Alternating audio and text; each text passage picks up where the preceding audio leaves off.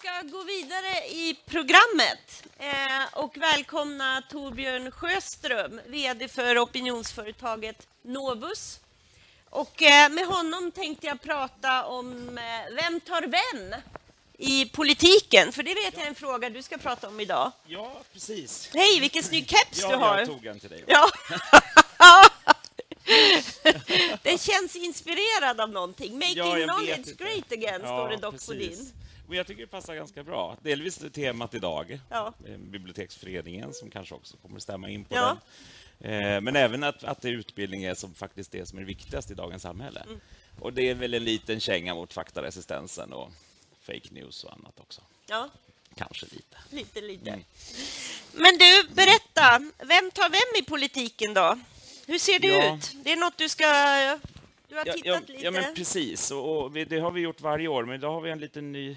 I år har vi en liten ny twist faktiskt. För att utmaningen nu är ju snarare att väljarna knappt vet var de ska ta vägen.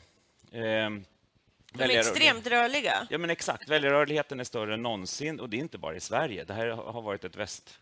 väst eh, europe, eller i väst överhuvudtaget ett ganska stort problem. Tre av fyra väljare i Holland hade inte bestämt sig innan sista debatten. Det är ju helt otroligt. Och i Sverige för, för inte så jättelänge sedan så var man so socialdemokrat för man alltid varit socialdemokrat. Och det där ser vi inte längre nu. Och grunden i det är ju osäkerheten kring samhället. Osäkerheten kring att man inte förstår vad politikerna faktiskt står för längre. Det blir väldigt mycket soundbites och, och snabba klipp och att man ska fixa någonting denna sekund som inte går att lösa på en sekund. Brottsligheten i utanförskapsområden fixar man inte på fem minuter. Men, men man förväntas göra det. Och då sjunker förtroendet för politiken som yrkeskår också. Och demokratin som sådan. Så att det blir mer den sidan vi kommer att prata om idag i, i mina seminarier faktiskt. Så lite en annan twist faktiskt. Ja. ja, jag såg att du skrev på Facebook igår att du gärna önskade att man pratade mer om demokratifrågan Mm. i Almedalen. Och det, Precis, och du och jag är ju ganska rörande överens om Ja. den frågan sedan Ja. tidigare också.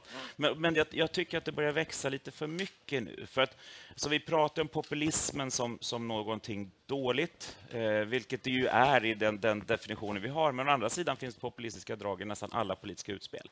För att syftet är att snabbt vinna väljare. Och, och Det är ju kanske inte dåligt med tanke på att det är så demokratin går till. Men om vi då inte vet vad det riktiga jobbet går ut på längre för politiken, det är då det börjar bli problematiskt. För då ser man bara den här fronten. Ungefär som att vi inte förstår eh, Afrika genom att titta på tv, som, som liksom vi tillsammans med, med, med Hans Rosling tidigare jobbar mycket med. med den, här liksom, den bias vi har genom att, att förstå samhället genom media börjar vi nu få även kring, kring Sverige i mycket större omfattning. Eh, inte bara utanförskapsområdena som pratades om här lite tidigare kring säkerheten och så, men, men, men, men egentligen kring allting. Eh, förtroendet för, för partiledarna är lägre än vad vi, jag tror vi någonsin har sett faktiskt. Och det betyder inte att en partiledare är jättedålig, utan det här är generellt. Liksom. Eh, Annie Lööf har högst förtroende idag, men det är väldigt lågt jämfört med Fredrik Reinfeldt när han förlorade. Så att det är ju ganska, det är lite, det, liksom, det blir, och det är ganska korta tidsperspektiv vi pratar om. Det går väldigt, väldigt fort vad har ni för analys av det? Ehm, eh, vad ser man av det? Varför är förtroendet så lågt för partiledarna?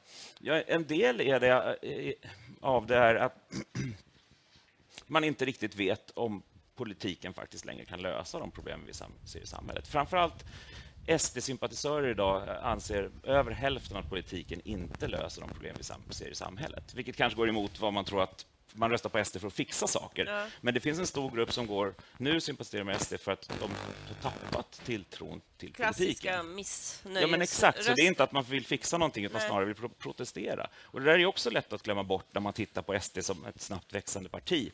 Att, att, att det är ett stöd. Det kan också vara liksom ett, ett avståndstagande vi ser. Lite också som många Brexit-röster som tyckte att nej, men, ja, ja, de trodde för det första att det skulle bli stanna och då röstade de på, på lämna bara för att känga till de där fåniga politikerna i en otroligt smutsig valrörelse.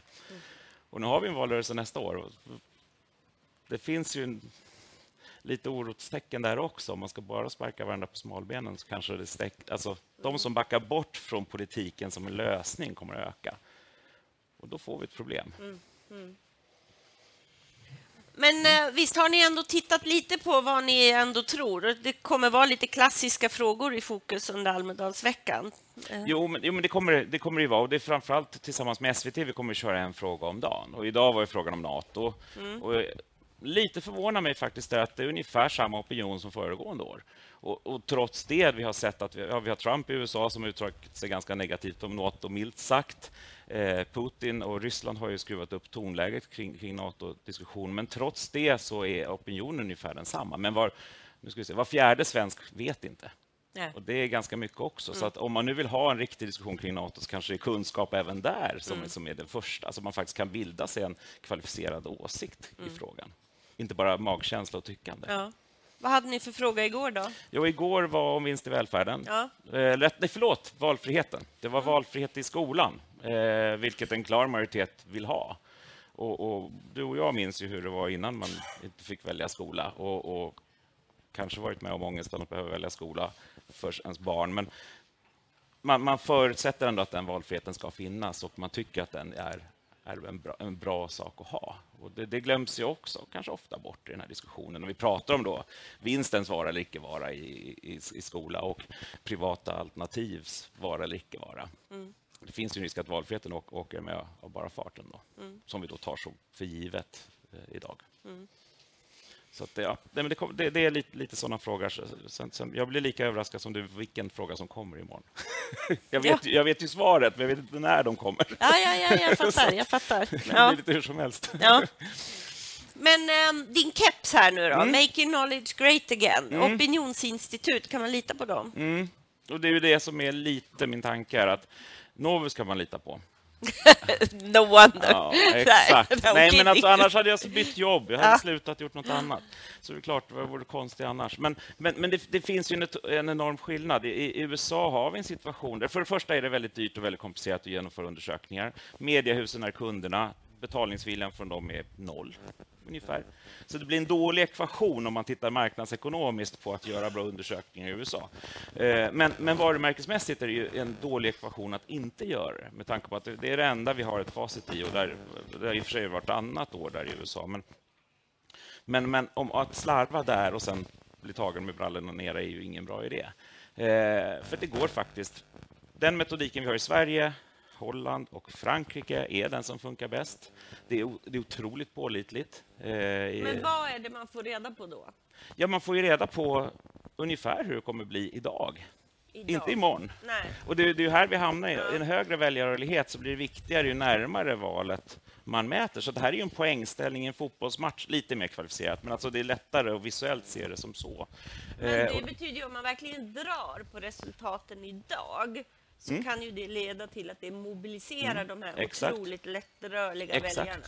Precis, och det är därför jag skriver det här på kepsen, att här, vi levererar inte siffror, utan vi vill, vi vill ju tala om hur situationen ser ut ur ett lite bredare perspektiv och kan nyansera det. Det här är inte en svartvit bild och det blir väldigt ofta att man, jag tror det, Sveriges Radio frågade, men du som expert på framtidsförutsägelser, vilket jag ju inte är utan fann mig fort och sa nej, nutidsinsikter. För att, för att det är, men det är en jäkla skillnad för de förväntan är att vi faktiskt tittar in i någon spåkula framåt.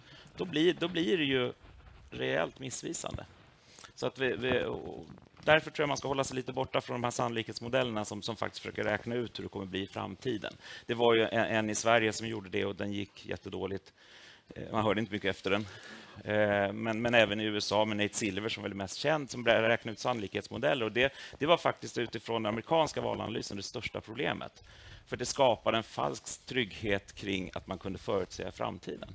Men det, det, är ju, det måste ju vara helt omöjligt i relation till eh, snabbrörligheten. Också. Exakt, precis. Det, det är ju sunt förnuft. Ju, ja. Och det är också, det, för det första så undersökningar är till delvis för att man ska förstå nutiden. Mm. Det är ju det det egentligen går till för. Mm. Sen för att kunna påverka framtiden i sin egen riktning. Alltså det är det, om man inte vet var man är idag så vet man inte var man ska ta sig. Så man ser det här som kartan och kompassen istället för, för, för någon form av profetia om hur det kommer gå i framtiden, ja, då går det att använda till något. Mm. Mm. Det är ju ganska bra. Mm. mm. Ja, mm. jag tänkte, du och jag har ju en podd som mm. heter Sanity Check. Mm. Där vi försöker regelbundet eh, tillsammans eller med inbjudna gäster fundera över men kan det verkligen vara så här i frustration eh, under årets lopp som har varit?